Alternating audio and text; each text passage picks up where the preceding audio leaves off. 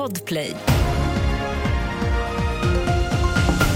Här är senaste nytt. I Gaza uppges tusentals patienters liv vara i fara när bränslet sinar till sjukhusens reservgeneratorer. Det här efter Israels totala blockad av Gaza som inleddes i förra veckan.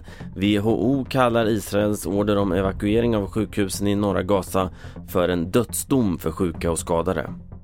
Samtidigt finns uppgifter om att israeliska soldater de senaste dagarna ska ha genomfört mindre markoperationer i Gaza, bland annat med syfte att lokalisera de minst 120 civila som tros hållas gisslan.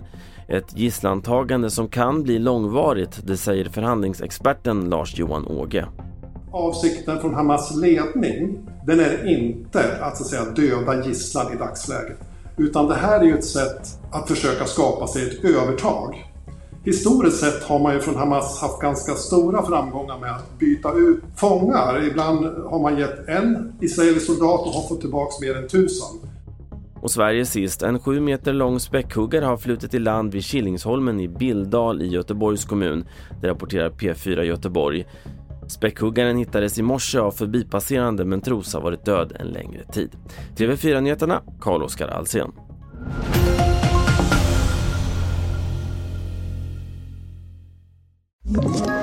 Ett poddtips från Podplay. I podden Något Kaiko garanterar östgötarna Brutti och jag, Davva, dig en stor dos skratt. Där följer jag pladask för köttätandet igen. Man är lite som en jävla vampyr. Man har fått lite blodsmak och då måste man ha mer.